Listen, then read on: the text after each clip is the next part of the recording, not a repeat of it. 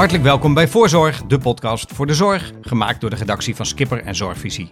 In deze aflevering hebben we drie gasten. Maurice van den Bos, bestuursvoorzitter van het OLVG, Carina Hilders, bestuursvoorzitter van het Reinier de Graaf ziekenhuis en meditatielerares Barbara Doeleman van Veldhoven. Die laatste twee zijn de initiatoren van het trainingsprogramma Compassievol Leiderschap. Maar wat is dat eigenlijk precies en welke voordelen biedt het? Daarover gaan ze in gesprek met senior redacteur Bart Kiers.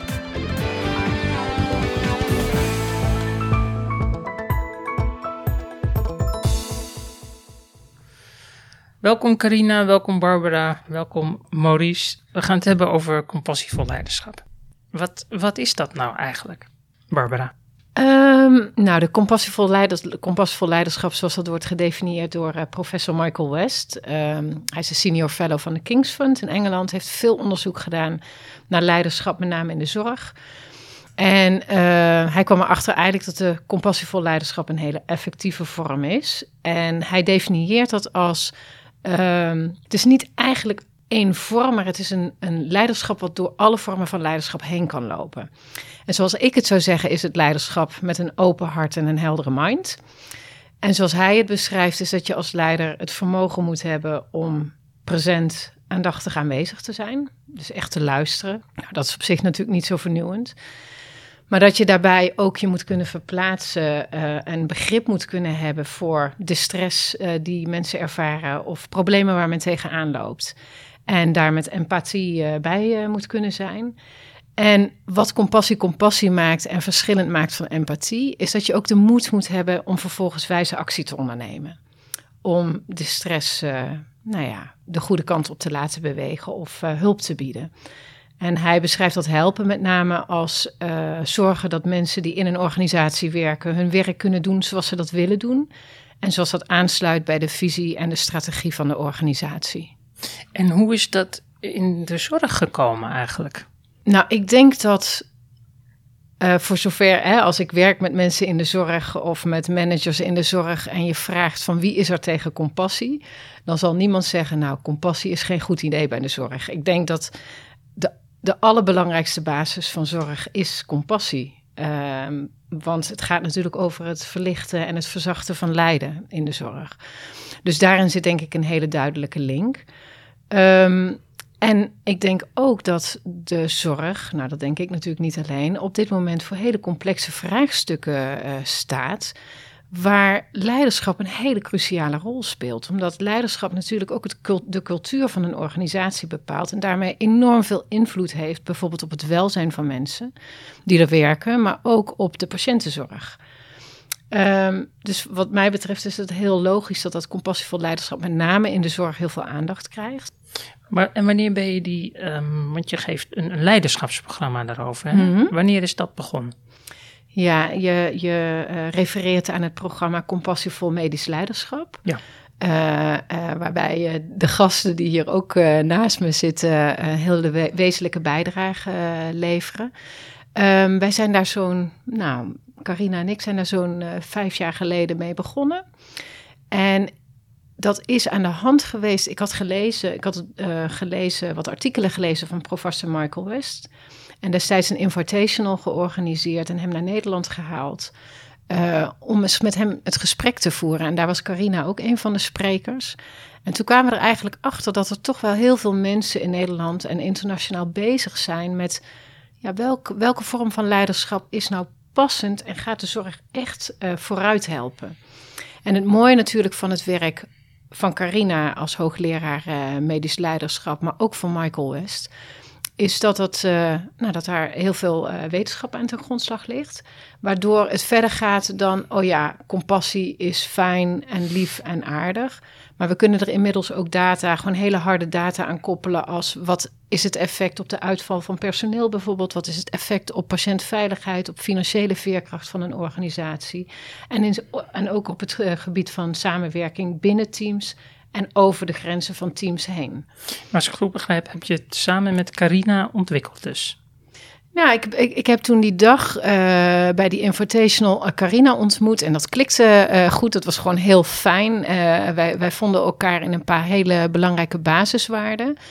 En uh, ik had toen het idee het uh, programma te gaan ontwikkelen en heb daar meteen Carina bij betrokken, die daar heel uh, warm en enthousiast op reageerde. En zij heeft dat echt mee verder ontwikkeld en hebben we andere mensen aangetrokken. En later, Maurice, die is er nu zo'n jaar bij betrokken. En zo zijn er meerdere hele inspirerende mensen die dit programma tot echt wel een succesvol programma hebben gemaakt. Carina, kun, kun jij vertellen waarom jij dat belangrijk vond? Ja, bij mij is het uh, ja, eigenlijk een leertraject geweest. Uh, eigenlijk gaat het terug naar 2015, toen we vanuit de federatie hebben we dat document Medisch Specialist 2015 gelanceerd. Waarbij we hebben gezegd, wat is nou die rol van die medisch specialist in de toekomst van de zorg? En hoe houden we die zorg houdbaar en gezond in de toekomst? Nou, dat was eigenlijk een statement vanuit de medisch professional over professionele autonomie in de goede zin van het woord. Maar wat je merkte in de loop van de tijd, er zijn zoveel uitdagingen in de zorg dat ja, de medisch professional uh, staat onder druk, staat onder hoge druk. En we zien het ziekteverzuim enorm toenemen. En we zien ja, die uitdagingen om de goede zorg aan de patiënt te blijven leven, 7 keer 24 uur, zien we echt op ons afkomen steeds meer. En ik heb ook ja, door ja, mijn persoonlijke uh, uh, pad, zeg maar, ben ik ook op een gegeven moment in India beland een paar keer. Heb daar meegelopen in een ziekenhuis waarbij ik de gynaecologen daar nieuwe techniek heb geleerd. En dat was sowieso heel leuk en leerzaam. Maar wat ik daar heel erg merkte en wat me heel erg opviel in dat ziekenhuis, was dat de mensen daar hun zorg leverden met een lach op hun gezicht. En dat was zo opvallend. En dat realiseerde mij, dat zijn we kwijtgeraakt in Nederland. Mhm. Dus ik kwam terug en ik kwam nog eens een keer terug en ik kwam nog eens een keer terug in Nederland. Totdat ik dacht, dit moet anders. Dus toen ben ik op de zeepkist gaan staan in het Reinier de Graaf ziekenhuis. En toen zei ik, vanaf nu staat niet de patiënt hier centraal, maar de medewerker staat nummer één. Nou, dat was best wel spannend in 2019. Mhm. En dat was echt met de veronderstelling, als de medewerker goed in zijn vel zit, kan die ook de beste zorg leveren aan die patiënt. En dat is vanuit die gedachte hebben wij ook elkaar ontmoet. En dat kwam eigenlijk gelijktijdig. Waarbij ik dacht van ja, dit is wat er moet gebeuren in de zorg. Wij moeten maximaal die medewerkers ondersteunen om die zorg in de toekomst gezond te houden. En ja, we zien het nu nog steeds en Maurice zal dat onderkennen. Het is denk ik op dit moment de grootste uitdaging om te zorgen dat we goed zorgen voor onze medewerkers, zodat we ook de beste zorg aan de patiënt kunnen blijven leveren. Dus ik geloof er ja, eigenlijk in zijn totaliteit in. En wil me er heel graag voor inzetten en ook daarin leren en ontwikkelen. Want ja, we hebben daar wel een hele fase achter de rug in Trainier de Graaf. Dat ik elke keer weer leer van de dingen die we daar doen. Maar misschien Wat voor fase bedoel je? Nou, in het begin was het medewerker nummer één. Met de uitleg, nou, als jullie goed in je energie zitten, dan kan je ook je beste zorg leveren. Nou, daar waren ze blij mee, de medewerkers. Maar dan krijg je een hele spannende fase in het begin dat ze zoiets hebben van, nou, jij zet de medewerker nummer één, dus uh, nou ja, dan wil ik morgen een nieuwe MRI. Of, uh... dus ze komen met hun verlanglijstjes. En dat is dan niet de bedoeling. wat Want is wat is de, bedoeling, van medewerker nummer één? Dat is, um, ja, dat was voor ons ook een zoektocht. Dus we hebben uiteindelijk hebben we een hele grote enquête gedaan onder de 3000 plus medewerkers. Wat is voor jullie belangrijk? En dat was best wel spannend. Krijg je de spiegel voorgehouden we zeggen wel medewerker nummer één, maar wat gaat goed, wat gaat niet goed? En toen had ik bedacht van nou, daar komt vast iets uit van ondersteunen bij loopbaanbegeleiding of flexibele werktijden of dat soort dingen. Maar weet je wat er op nummer één stond in die enquête? Gratis parkeren. Kijk, ja. En toen dacht ik, ja, dit is even een tegenvaller, want het was niet zo inspirerend. Maar toch zei dat heel veel. En ben ik er verder over na gaan denken. En toen dacht ik, ja, dit zegt iets. En wat zegt dat nou? Als je zegt medewerker nummer één, dan moet je zorgen dat je als organisatie de basis op orde hebt. Dat de mensen gewoon goed hun werk kunnen doen. Dat ze gewoon normaal in rust op die werkvloer zich kunnen bewegen. En inderdaad de tijd krijgen om die oprechte aandacht aan die patiënt te geven. Maar er is nog iets wat wij merkten. En dat is geregeld nu? Dat is ja, nou, dat is een uitdaging elke dag. Hè? Dus dat kan elke dag nog beter. Maar daar zijn we mhm. echt wel heel bewust mee bezig. Maar de tweede pijler daarin is de eigen regie. En daar is dat medisch leiderschap, die autonomie van die professional, die eigenlijk in een veilige werkomgeving zijn uh, inzicht moet delen, zijn talenten moet kunnen uh, duidelijk maken, uh, moet kunnen innoveren, moet kunnen durven om die zorg met elkaar beter te maken elke dag weer. En dus eigen regie en basis op orde, Dat zijn eigenlijk de twee pijlers voor ons nu in het Reinier de Graaf, waarop die medewerker nummer één is gebaseerd. En wat is dan de link met compassievol leiderschap? Ja, als je kijkt naar het pad van dat medisch leiderschap, waar ik natuurlijk ook heel veel onderzoek uh, in doe aan de Erasmus Universiteit, gaat compassievol leiderschap nog iets verder. Medisch leiderschap gaat over professionele autonomie in de goede zin van het woord, verantwoordelijkheid uh, dragen voor de beste zorg en daarin ook de regie nemen. Maar compassievol leiderschap gaat over um, de oprechte aandacht. De oprechte aandacht allereerst voor jezelf. Dat zijn we in de zorg helemaal niet gewend. Om voor onszelf te zorgen. En dat is denk ik een hele belangrijke basis om goed leiderschap neer te zetten. Maar het gaat ook over oprechte aandacht voor de collega's en oprechte aandacht voor die patiënt. En die oprechte aandacht is echt kijken wat heeft die ander nodig. De rust nemen om inderdaad echt te zien wat er nodig is. En dat kunnen kleine dingen zijn, maar dat kunnen ook grote dingen zijn. Dus je organisatie in zo'n beweging stellen dat je een veilige werkomgeving creëert waar je eigen inbreng stimuleert, waarbij je psychologische veiligheid stimuleert, waarbij je eigenlijk zorgt dat iedereen in rust de beste zorg aan die patiënt kan leveren. Hmm. Mooi. Maurice, hoe ben jij hierbij gekomen? Um, nou, wij kwamen met, met elkaar in contact uh, naar aanleiding eigenlijk van wat jullie net deelden. Met name de leergangen die georganiseerd werden. Um, ik ben zelf uh, werkzaam in het OLFG in Amsterdam. En dat is een ziekenhuis waarvan ik wel eens zeg met een hoge trillingstand. Dus wij geven veel acute zorg. En dat zie je ook wel terug, zal maar zeggen, in het werktempo en activiteit van alle medewerkers. Dus er is een enorme uh, nou ja, werkenthousiasme, maar tegelijkertijd ook wel een hoge mate van activiteit. Die je bij voorkeur toch ook wel combineert met van tijd tot tijd ook ontspannen en reflecteren. En uh, je ziet dat dat gewoon heel moeilijk is in de dagelijkse praktijk. En net zei Carina al dat uh, wat is compassievol leiderschap of wat is compassie? Maar is echt oprechte aandacht. In ieder geval als ik het zou mogen verwoorden. En wanneer bouw je nou gedurende de dag momenten in waarin je dat voor jezelf doet en bewust naar die ander op die manier doet? En voor mij was de belangrijkste reden om als je duurzaam, gezond als organisatie de toekomst in wil bewegen, dat het belangrijk is dat de mensen kunnen ontspannen, kunnen reflecteren, aandacht kunnen hebben voor zichzelf en anderen, in combinatie met natuurlijk op momenten die werkdruk. En dat is iets wat je toch ook moet leren. Uh, ik denk dat we het van nature hebben als we opgroeien, maar dat we naarmate we ouder worden, natuurlijk ook wel weer, nou ja, door uh, school en opleidingen en werk, uh, wordt steeds meer van iemand of van je gevraagd. En hoe hou je toch moment om te kunnen ontspannen en aandachtig te zijn? En dat was voor mij een reden om contact te zoeken en te denken, hé, hey, dat, daar wil ik wel eens wat meer van horen. En toen? En um, nou, ik had hetzelfde als Carina, dat um, in 2012 ben ook ik in India geweest. Uh, daar kwam ik in aanraking ook met meditatie. Dat zat natuurlijk heel erg op het persoonlijke vlak. En zij hadden al meer ervaring met hoe verwerk je dat en hoe verweef je dat met een wat grotere organisatie. En uh, om heel eerlijk te zijn, is dat begonnen door gewoon eens een keertje mee te draaien. En te kijken van, um, nou, wat voor materiaal wordt er gedeeld? Welke mensen nemen er deel? Welke ervaringen zijn er? Ik denk dat het ook heel belangrijk is dat het iets is waar je niet alleen over praat, maar wat je echt doet hè? En, en, en, en probeert. En, um, ja, en dat was ook gewoon echt een klik. Dus, dus zo ontstond dat. Ja. Oké, je bent dus meegedaan, mee gaan doen in het trainingsprogramma. Ja, ja. Oké, en, en wat houdt dat trainingsprogramma dan in? Wat doe je dan? Uh, nou, ik, ik, vind het wel aardig om even de andere docenten ook te noemen die daarbij betrokken zijn. Want dat geeft ook wel een beetje de multidimensionaliteit weer van het programma. Jackie Bressy, zij is uh, uh, professor neurowetenschapper en um, is eraan verbonden. Sander de Hosson is eraan verbonden. Marielle Bartholomeus heeft zich eraan verbonden. Hebben nog wat meer docenten. Ja, Michael West natuurlijk. Ja, last die is.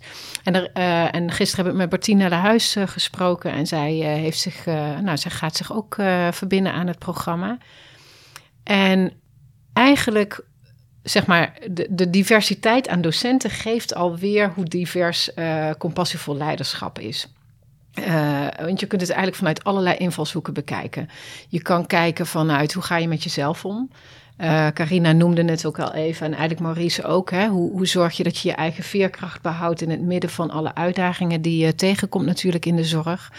En je zou dat, dat compassievol leiderschap ook naar jezelf kunnen transponeren. Kan je bij jezelf blijven, present zijn, aandachtig zijn, ook als het pijnlijk is of moeilijk is. Daar onderzoekend blijven, nieuwsgierig blijven en vervolgens ook de moed hebben om verantwoordelijkheid nemen, te nemen, bijvoorbeeld voor je eigen veerkracht. Wat heb je daar zelf in nodig? En ik denk dat een, een leider van een organisatie daar ook een rolmodel kan zijn door, door daar zelf het goede voorbeeld te geven. Uh, maar je kan het natuurlijk ook bekijken vanuit hoe gaan we in teams met elkaar om? Hoe zorgen we dat we een samenwerking hebben die inclusief is, waar iedereen een stem uh, krijgt, en zodat we echt tot innovatie kunnen komen? Uh, je kan ook kijken naar compassievol leiderschap, ja, en, en wat is dat? Nou ja, wat is compassie? Maar wat doe je bijvoorbeeld als er, uh, uh, ik wou het wel wat gechangeerd, als er echt stront aan de knikker is. Want dat is niet zo netjes natuurlijk op een podcast. Maar ik denk, wel, ja, als er echt uh, gewoon crisis is, mm -hmm. wat betekent compassievol leiderschap dan?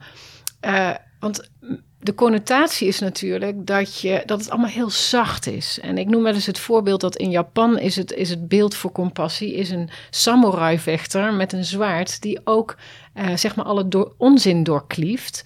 En dus echt, echt een shortcut kan nemen naar dat doen wat daadwerkelijk het meest compassievol is. De hele situatie in ogenschouw nemend. Dus het is niet altijd zacht? Nee, het is niet altijd zacht. En ik denk daarom dat wijsheid en compassie ook zo hand in hand gaan. En, en Maurice noemde net al even meditatie. En ik weet niet of we tijd hebben om daar ook wat op in te zoomen. Maar meditatie gaat, wat mij betreft, heel erg over um, jezelf beter leren kennen. Uh, de moed hebben om even te verstillen. Uh, daar even bij te blijven echt te kunnen reflecteren, zodat je dat kan doen wat het meest compassievolle is. Wat de situatie of jezelf of de mensen van wie je houdt of met wie je werkt de goede richting in te laten bewegen.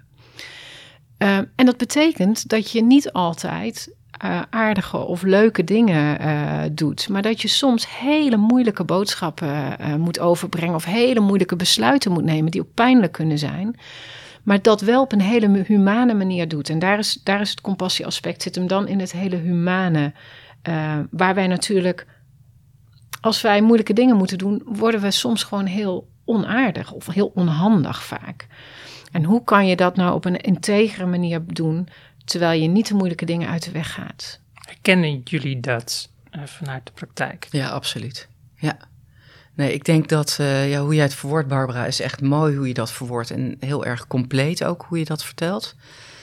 En ja, ik geloof Maurice ook en ik ook bij mediteren uh, elke dag. En dat doe ik al heel lang. Ik geloof Bart, jij ook. Ja, ja, 30 jaar. En uh, dat brengt me heel veel. Want het is inderdaad die verstilling en even bij jezelf zijn om de dag goed te beginnen. En dan zijn er inderdaad uitdagingen. Het werk wat wij doen brengt heel veel uitdagingen met zich mee. En je kan als de dag begint niet voorspellen hoe de dag loopt. Daar heb je flexibiliteit voor nodig, daar heb je inventiviteit voor nodig. Maar wat je vooral nodig hebt is inderdaad in rust blijven, in een goede balans blijven, zodat je de juiste beslissing neemt voor die organisatie, voor die mensen in de organisatie en voor de patiënt. En ja, dat is elke dag weer een uitdaging en ontzettend leuk. En daarom maakt het het werk ook zo leuk. Maar net zoals vandaag, ja, ik ga het voorbeeld niet noemen, maar ben ik heel blij dat ik ochtends gemediteerd heb. Waarom ik uh, dan in de ochtend een best wel lastige beslissing heb kunnen neerleggen in een groep. Uh, die grote consequenties heeft. Maar wat ik op een manier heb gedaan, wat Barbara ook zegt, in rust en ja, ook aandacht voor de mensen die in die vergadering zitten. Waardoor je ook een betere verbinding krijgt met de mensen. En dat is eigenlijk ook wat er gebeurt als je zelf goed in balans bent. Kan je de beste zorg leveren aan die patiënt? Dat gaat eigenlijk over die unieke relatie tussen een zorgprofessional en een patiënt. Waarbij als jij dat doet met oprechte aandacht, krijg je ook de meeste energie daarvan terug. Daar zit denk ik een hele belangrijke sleutel als we het hebben voor, over de burn-out ratio's die stijgen dat bewust beleven van dat patiëntencontact. De zorgprofessional die, ja, die is dat geworden omdat hij blij wordt, gelukkig wordt om die beste zorg te kunnen leveren. Dat weten we allemaal als professionals. En dat is een beetje weggeëpt, want men heeft het gevoel: ik ben niet meer in de regie, ik moet van alles doen, ik heb maar 10 minuten, maar ik heb eigenlijk 20 minuten nodig, ik moet heel veel administratie doen, uh, er zijn wachttijden, daar kan ik niks aan doen. Nou, zo kan je een hele lijst opnoemen van urgente kwesties waarvan de professional nu denkt: ik ga er niet meer over, ik heb er geen invloed op. En dat voelt heel vervelend. Eigenlijk is het belangrijkste dat je het gevoel blijft houden dat je zelf in de regie bent. En dat kan op de kleine momenten die Maurice zegt, dat je gedurende de dag jezelf traint om even terug te gaan naar jezelf, waardoor je ja, jezelf weer bij elkaar hebt. En waardoor je ook weer met die goede energie contact kan maken of een bepaalde beslissing nemen. Maar ook af en toe even stand back. Even kijken wat gebeurt hier. Of even oog hebben voor je teamleden. Of wat gebeurt er nou in die organisatie? Rondlopen op de werkvloer. En bewust om je heen kijken en met name voelen. Wat hebben deze mensen nodig? En een mooi voorbeeld is bijvoorbeeld uh, in de coronatijd. We hebben dat alweer een beetje achter ons gelaten. Maar toen was het net begonnen. En dat was een hele rare situatie, want we hadden het heel druk. Zou Maurice ook herkennen, het was heel druk. Maar het ziekenhuis was leeg, in principe. Hè? De polyklinieken die waren leeg. Het was heel raar eigenlijk. Dus ik ging ook heel veel de werkvloer op om op zoek te gaan naar wat hebben de mensen nodig. En ik weet nog goed, ik ging de IC op en daar zaten in de koffiekamer die jonge verpleegkundigen, die waren even aan het uitblazen van die warme pakken. Dus die zaten daar in hun hemdjes uit te puffen. En ik stond daar in de deuropening en ik vroeg ze, wat hebben jullie van mij nodig? En toen zeiden ze, ja, eigenlijk, we hebben fruit nodig. Ook weer iets heel praktisch ja, dus. We hebben fruit nodig, want dan blijven we, we hebben, houden we het gevoel dat we gezond blijven. Ja, en dat bedenk je niet vanuit je bestuurskamer. Nee. dus dat is echt iets wat je oprecht vraagt en daar dan ook iets mee doet. Mhm. Want dat blijft de uitdaging. Tot de dag van vandaag hebben we nog steeds voor iedereen fruit. Dus er staan overal kisten met fruit voor alle medewerkers. En dan zijn er af en toe managers in ons ziekenhuis die zeggen: Ja, maar Carina, laten we daarmee stoppen, want het kost best wel veel geld. Dan zeg ik: Nee, we gaan daarmee door. Ja. Maurice, als er stond aan de knikker is, wat is dan compassievol leiderschap? Nou ja, ik denk de woorden die net bij mij bovenkwamen, uh, eigenlijk heel centraal toch een begrip verbinding. Uh, dus volgens mij, um, wat net werd gezegd, je, je moet soms ook moeilijke beslissingen nemen. Die horen nou eenmaal bij je vak ook als bestuurder. Uh, niet alleen als medisch professional dus, maar ook in de rol van bestuurder worden er natuurlijk beslissingen genomen die vaak spannend zijn en ook soms in een conflict situatie genomen moeten worden. Niet alles is, uh, laten we zeggen, vreedzaam hè, wat dat betreft. Um, en ik zal hem heel concreet maken. Uh, we hebben op een gegeven moment een keer een beslissing moeten nemen. En dat doe je in een ziekenhuis ook in afstemming met de gremia. Dus ik ga bewust even weg uit de relatie arts-patiënt. Maar meer hoe ga je dus uh, rondom grotere beslissingen om in een ziekenhuis met, uh, met bijvoorbeeld een OR. Ehm, en zo heb je ook een verpleegkundig stafbestuur, medisch stafbestuur en patiëntenraad. Maar in dit geval hadden we een beslissing genomen en dat is jaren terug, dus daarom kan ik hem ook gewoon noemen. En uh, daar was een conflict ontstaan met de OR, die had een andere mening. En, en overigens terecht dat ze daar ook aan vasthielden. En wat je dan ziet gebeuren is dat, dat dan vanuit de Raad van Bestuur wordt gezegd: ja, maar we leggen nog een keer uit waarom wij vinden dat het deze kant op is. En dan gaat de OR nog een keer uitleggen waarom zij vinden dat het die andere kant op is. En dat ging eigenlijk steeds harder. Dat is overigens iets wat wel vaker voorkomt, ook in Amsterdam. Dus dat ging behoorlijk stevig.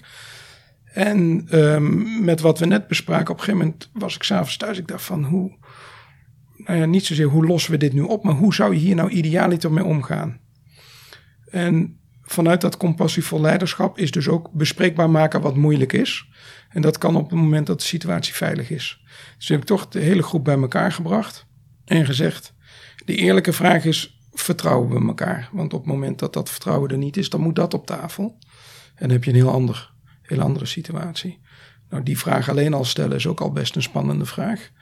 Nou, in dit geval was het zo dat dat vertrouwen er is. En dan kun je met elkaar zeggen: en wat gebeurt hier nu in die groep? Waarom, waarom zijn die emoties er? Waarom zitten we in de groef? Wat hebben we van elkaar nodig om een stapje te kunnen bewegen?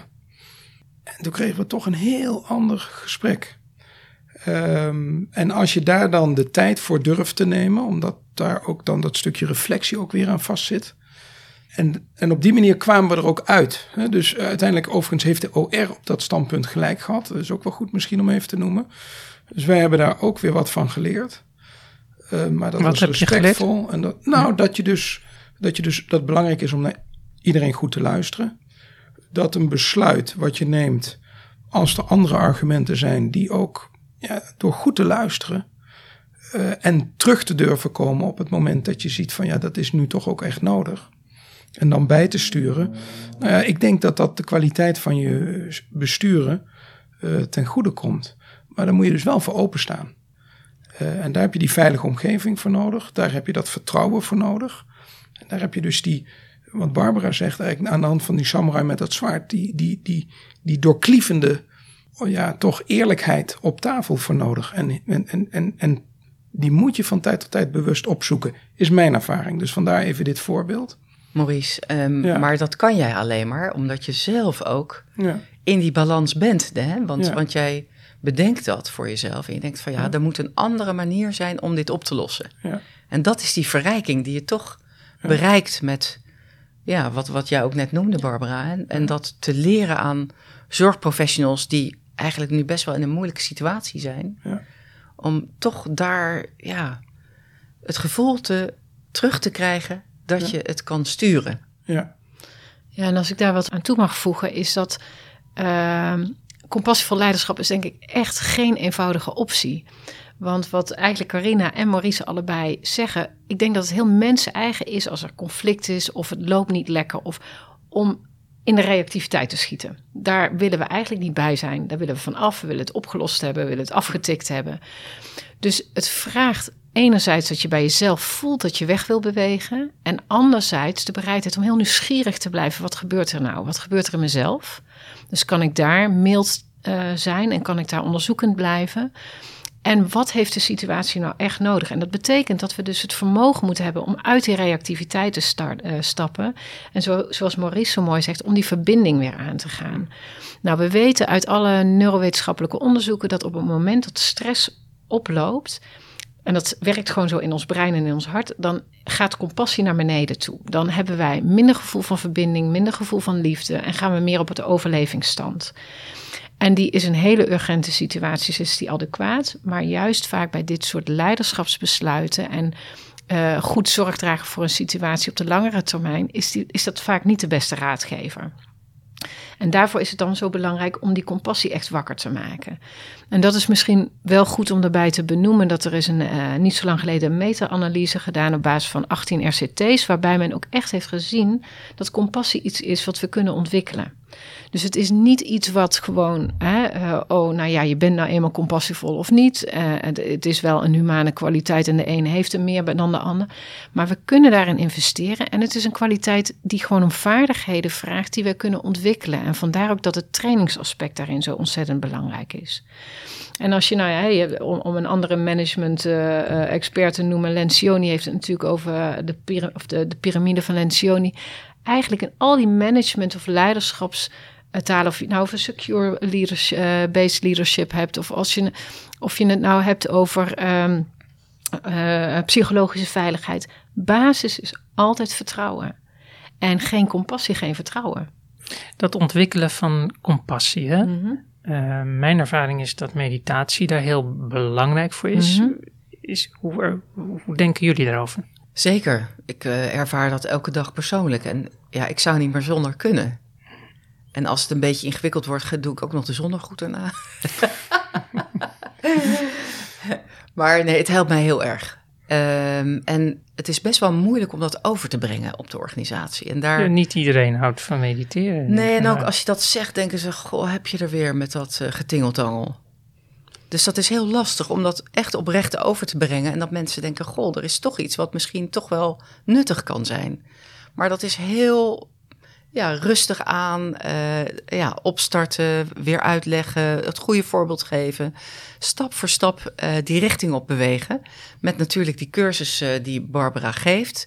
Wat we ook, waar ik elke keer ook weer van leer van de mensen die daaraan deelnemen. Ook mensen vanuit mijn eigen ziekenhuis. Dat ik weer dingen mee terug kan nemen. Dus dat is een continu leerproces. Wat kan er dan anders? Hoe kunnen we ze ondersteunen?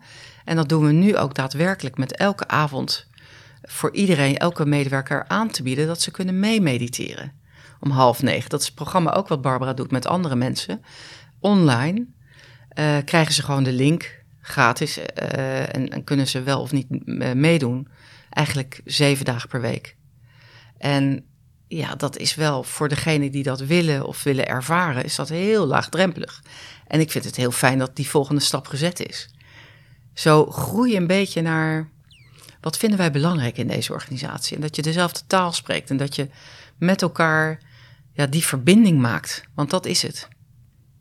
Dus meditatie maakt onderdeel uit van het programma, begrijp ik? Nou, ik zou, daar, ik zou het nog ietsjes aan willen scherpen. Want um, uh, meditatie is een heel ruim begrip. Je hebt een heleboel verschillende soorten van meditatie. En er is inderdaad onderzoek gedaan ook naar uh, draagt meditatie, met name mindfulness meditatie, bij aan het ontwikkelen van compassie. En de eerste voorzichtige onderzoeken laten zien dat dat inderdaad met name ook bijdraagt aan zelfcompassie, mildheid naar jezelf toe, waardoor wij ook over het algemeen milder worden naar anderen toe. Wat een valkuil is met meditatie, zeker als je daar geen goede reflectie of begeleiding in krijgt, is dat ik zeg altijd: je gaat altijd met je meditatie zitten of in je meditatie neem je mee wat je ook in het dagelijks leven doet. dus ben jij een enorme strever, streber en heel streng voor jezelf en je gaat zitten, dan word je ook een streber en streng naar jezelf in de meditatie.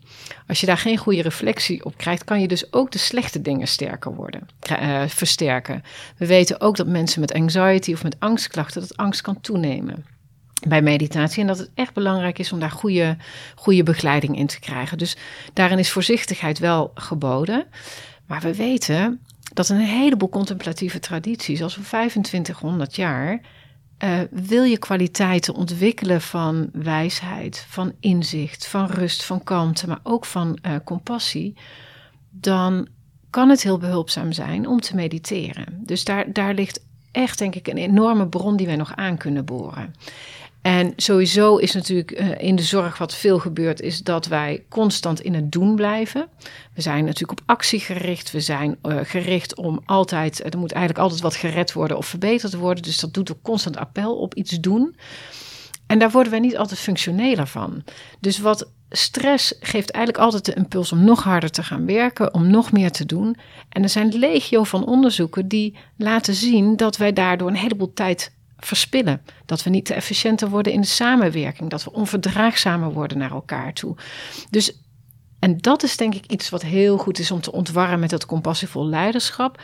Kunnen we als ons systeem de neiging heeft om nog harder, nog meer gas bij te zetten, hebben we de moed om even een, stap naar achteren te doen, weer priorit eh, overzicht te krijgen, te kunnen prioriteren en van daaruit uh, de hoofdlijnen weer uit te zetten. Dus, sorry uh, Bart, want ik ging alle kanten op. Terugkomend op je meditatie, ja, het kan bijdragen aan compassie. En het is wel, het vraagt om zorgvuldigheid daarin. Ik zou niet zeggen, laat iedereen maar mediteren, dan komt het wel goed in de zorg.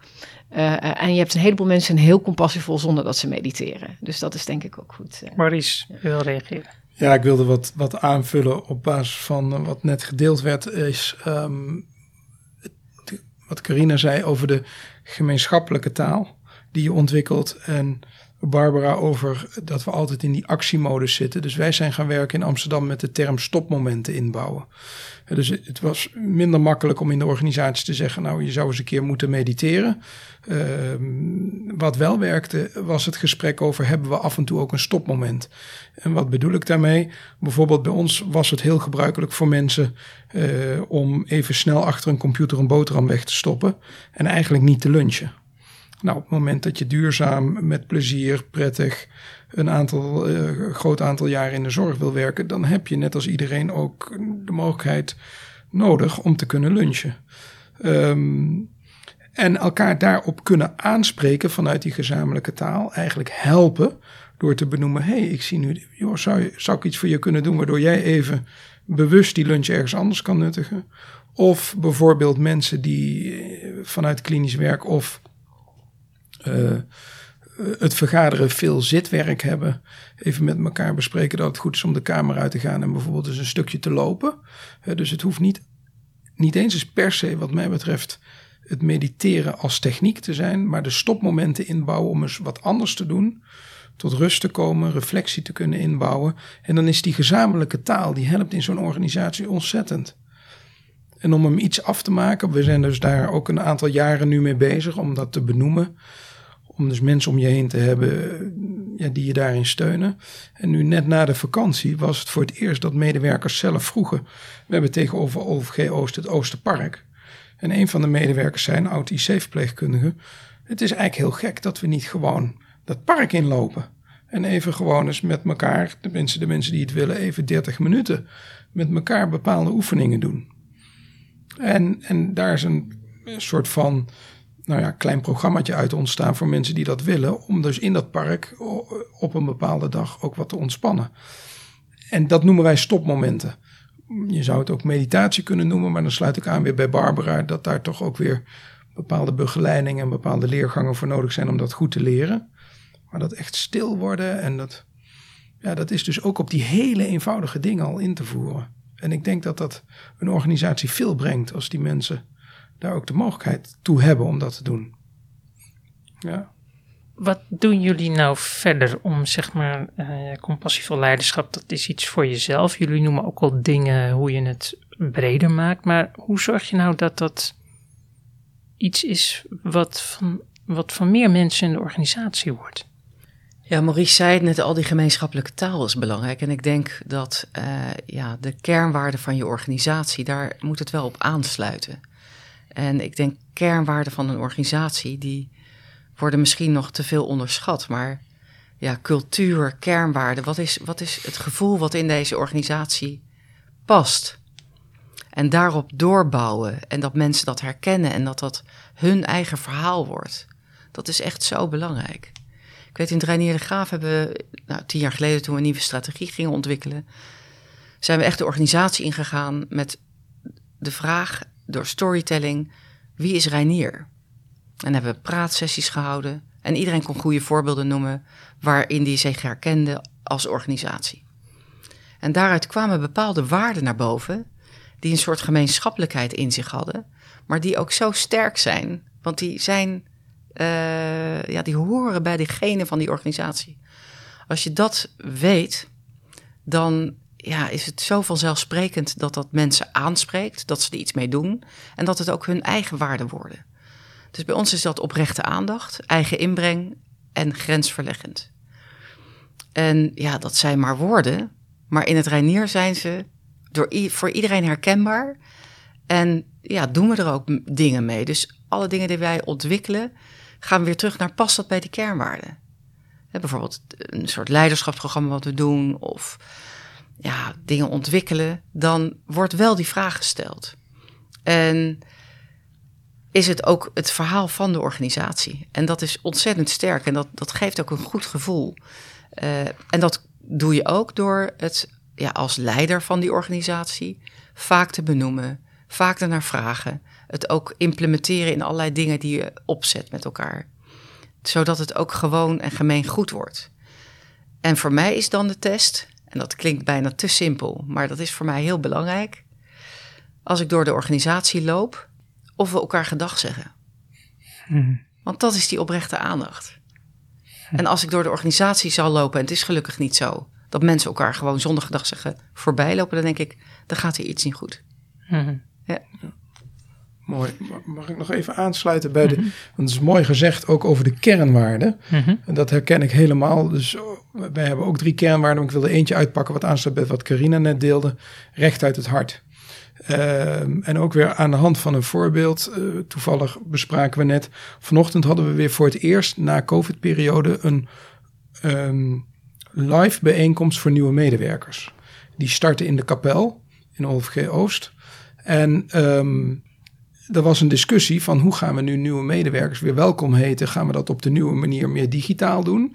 Of zoals vroeger werden de wat grotere groepen ook echt in de kapel ontvangen.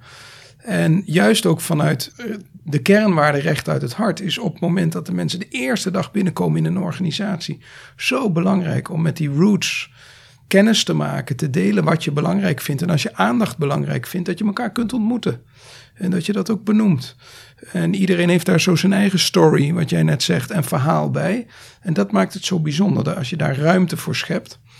En ik vind dat mooi geformuleerd net ook, want ik denk, ja, zelfs naarmate die omgeving steeds complexer wordt, is het kunnen sturen vanuit die kernwaarden en je daar ook echt vertrouwd bij voelen en mee verbonden voelen, super belangrijk. En om hem af te maken, wij zijn nu ook met een, dat was jouw vraag Bart, van hoe doe je dat nou in een organisatie? Nou bijvoorbeeld bij zo'n onboarding hè, van nieuwe medewerkers, de eerste dag. Maar wij zijn nu ook met een leiderschapsprogramma bezig, wat zich helemaal richt op dit thema. Um, en dat is een, niet een keer bij elkaar komen, maar een leiderschapsprogramma van een jaar voor alle leidinggevenden in de organisatie. En dan is dit onderdeel van wat je leert. Uh, en dat is het ontwikkelen van die gezamenlijke taal, die stopmomenten inbouwen, reflectie. Nou, en, en dan krijgt dat stapje voor stapje vorm in, in je bedrijf. En dat is, denken we, van enorme waarde. Ja, Barbara. Ja, ik, ik word weer heel blij van, uh, van de mensen die naast me zitten. Daar word ik altijd blij van. Maar uh, wat, zo, wat, zo, wat denk ik goed is om uit elkaar te houden... je hebt het individuele leiderschap, de leider. Zeg maar, je hebt de leider en je hebt leiderschap. En leiderschap in een organisatie is nooit één leider. Dus als je het hebt over compassievol leiderschap in een zorgorganisatie, dan uh, speelt de leider, de formele leider, een belangrijke rol, omdat uh, we weten dat uh, hoe een leider acteert, waar hij de nadruk op legt in zijn woorden, in, zijn, in de vergaderingen. Hè, als het altijd over de cijfers gaat en de financiën, dan wordt dat de focus van de organisatie. Maar is altijd de patiëntveiligheid, is die altijd aan tafel? Of de patiëntbejegening, dat wordt dat de kern van je organisatie. Dus de leider speelt daarin zeker een belangrijke rol. Maar een compassievolle leider die draagt ook de verantwoordelijkheid dat uh, een organisatie, dat daar shared leadership langzaam steeds meer ontwikkeld wordt. Dus dat iedere persoon in de zorgorganisatie zich verantwoordelijk gaat voelen en betrokken gaat voelen bij bijvoorbeeld de kernwaarden van een organisatie. En in de zorg is dat heel evident, want elke patiënt of, of elke uh, individu in een zorgorganisatie, tot en met de schoonmaker, speelt een cruciale rol in de patiëntveiligheid en de patiëntenzorg. Dus wat je wil is dat er een bewustzijn komt in de organisatie dat we compassievol met elkaar kunnen omgaan. En het mooie van compassie, en dat weten we ook echt uit wetenschap, het is gewoon besmettelijk. Word je zelf met meer compassie bejegend, dan weten we dat je zelf altijd geneigd bent om ook met meer compassie om te gaan met de mensen die jij zult ontmoeten. En, uh, uh, en daarom is het zo ontzettend belangrijk dat het in alle lagen van de organisatie aandacht krijgt. En dat gaat over, kun je elkaar op een vriendelijke manier ontmoeten, maar dat gaat ook over niet tolereren van ondermijnend gedrag. Dat je elkaar durft aan te spreken, zo doen we dat niet met elkaar. En dan ook echt uh, de consequenties durft te dragen. En zo, uh, dus ik denk dat het goed is om te zeggen van nou, we hebben de leider en leiders. En leiderschap, met name compassievol leiderschap, zit als het goed is door de hele, hele organisatie heen. Een hele praktische vraag. Wat betekent nu compassievol leiderschap voor patiëntveiligheid, voor de financiën, voor innovatie? Is, daar een link? Kun je dat zien? Ja, ik denk als je hem even heel kort door de bocht uh, benoemt, dan zit hij denk ik in ook die oprechte aandacht, maar dan meer in de nieuwsgierigheid. En dat herken ik heel erg als professional, maar ook als, uh, als uh, directievoorzitter met eindverantwoordelijk zijn voor die kwaliteit van zorg.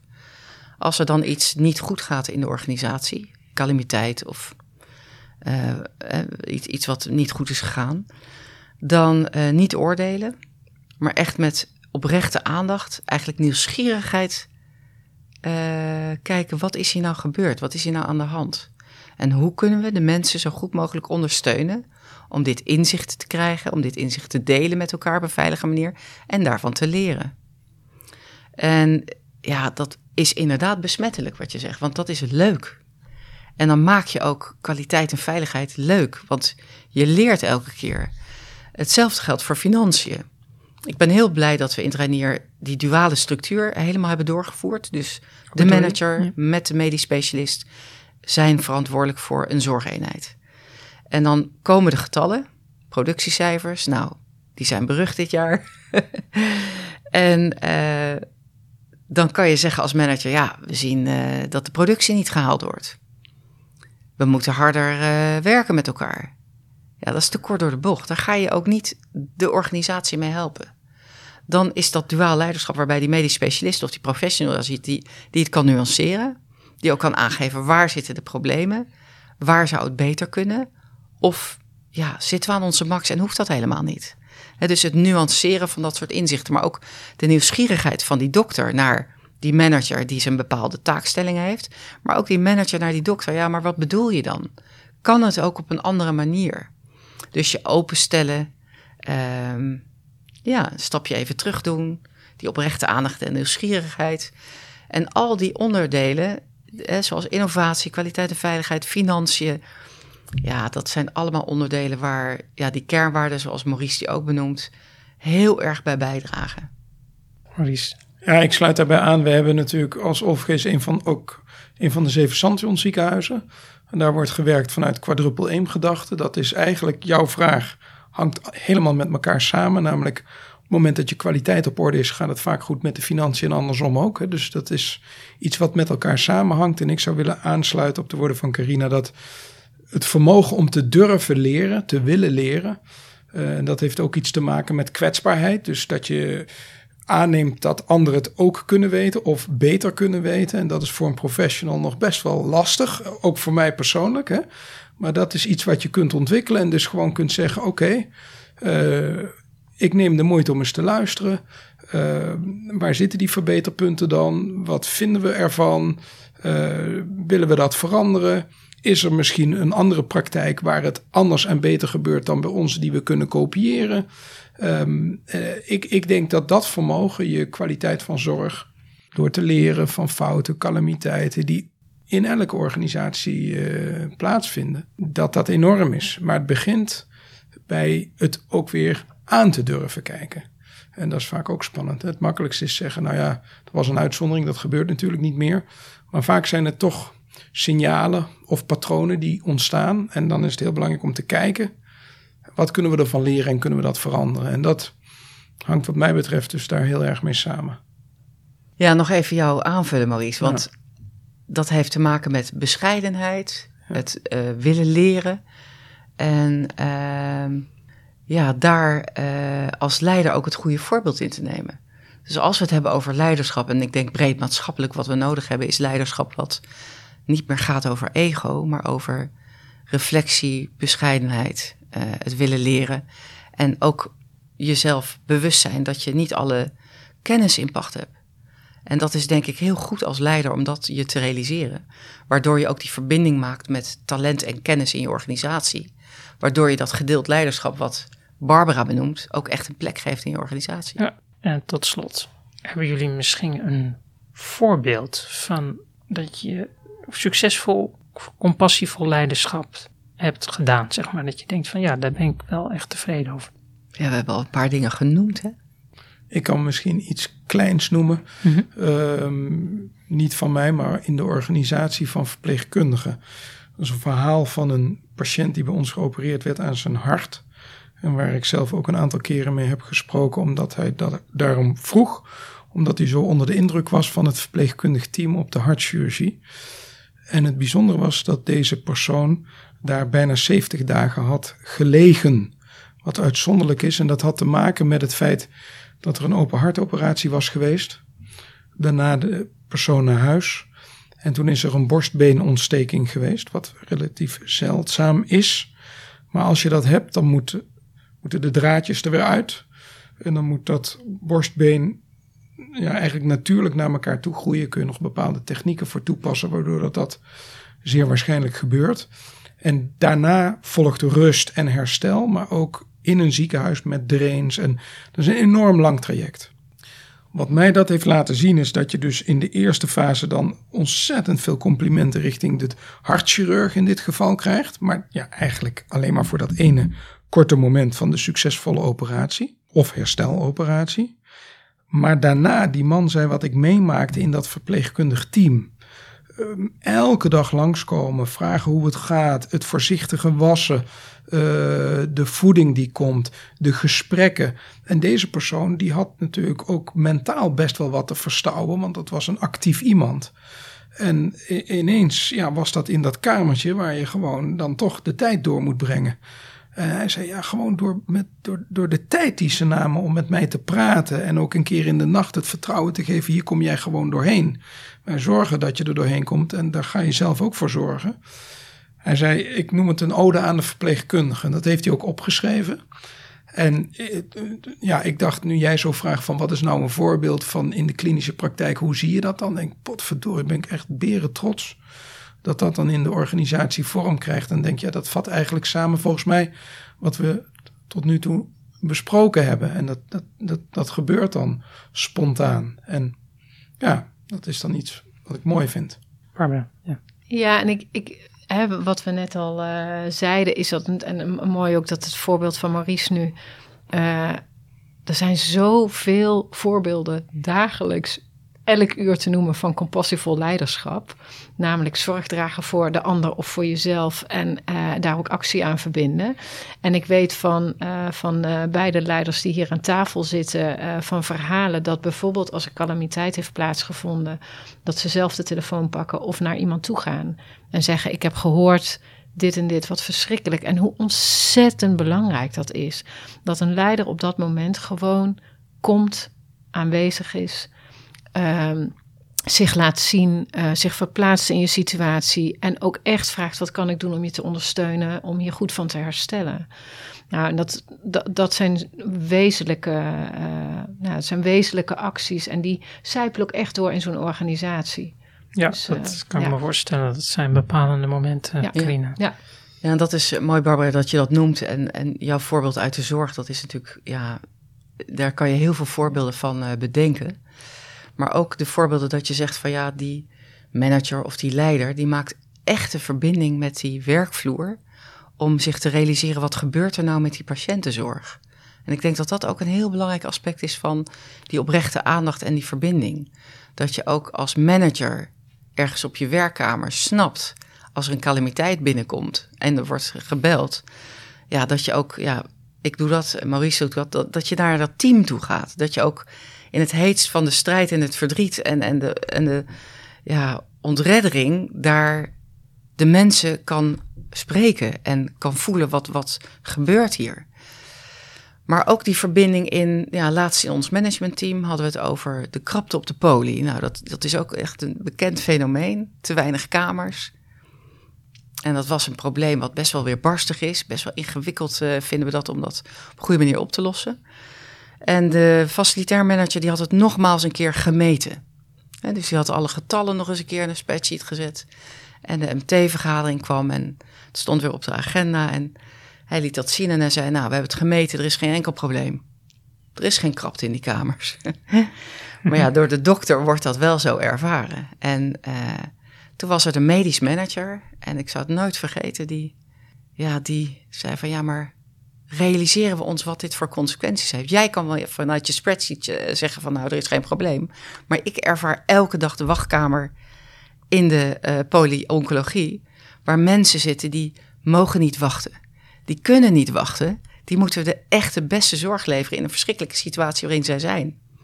En ik kan het niet meer hebben dat ik geen kamer heb of nergens terecht kan. Of ik kan het de patiënten niet vertellen en ik wil het ook niet. En die mensen hebben recht op de juiste zorg. En daar kwam die medische, dat medische domein kwam keihard binnen met ja, veel empathie, maar ook compassie. En um, tot de tranen in zijn ogen stonden. En ik vond het heel fijn dat dat gebeurde. Want daardoor zag je, oké, we hebben hier iets met elkaar op te lossen. Het inzicht sowieso verbinden. Hij stelde zich heel kwetsbaar op, maar je zag ook, ja, de emotie zag je gewoon. En die rek was eruit bij dat medische domein. En dan is het echt goed om dat inzicht te delen en zeggen: ja, jongens, dit gaan we met elkaar oplossen. En dan, ik heb het toen teruggenomen en gezegd: van ja, dit is zo goed wat hier gebeurt. Want dat betekent dat de omgeving veilig is om inderdaad dit soort dingen bespreekbaar te maken. Want daar begint het mee. En dan heb je nog niet meteen de oplossing. Maar daar moet je aan gaan werken. Maar het voelde voor mij heel goed dat ik dacht: van ja, dit is de bedoeling. En dat is uiteindelijk opgelost. Nou, nog niet helemaal, want we doen het echt niet perfect in het okay. Hartelijk dank. Graag Dankjewel. Graag gedaan. Dankjewel. Tot zover deze aflevering. Uiteraard kunt u zich op deze podcast abonneren in de welbekende podcast-apps. Onze dank gaat uit naar onze gasten, Carina Hildes, Maurice van der Bos en Barbara Doeleman van Veldhoven voor hun bijdrage. Naar Bram Brouwers voor de muziek en naar Ties Timmers voor de montage. Tot slot dank ik ook u voor het luisteren en zeg ik heel graag tot de volgende voorzorg.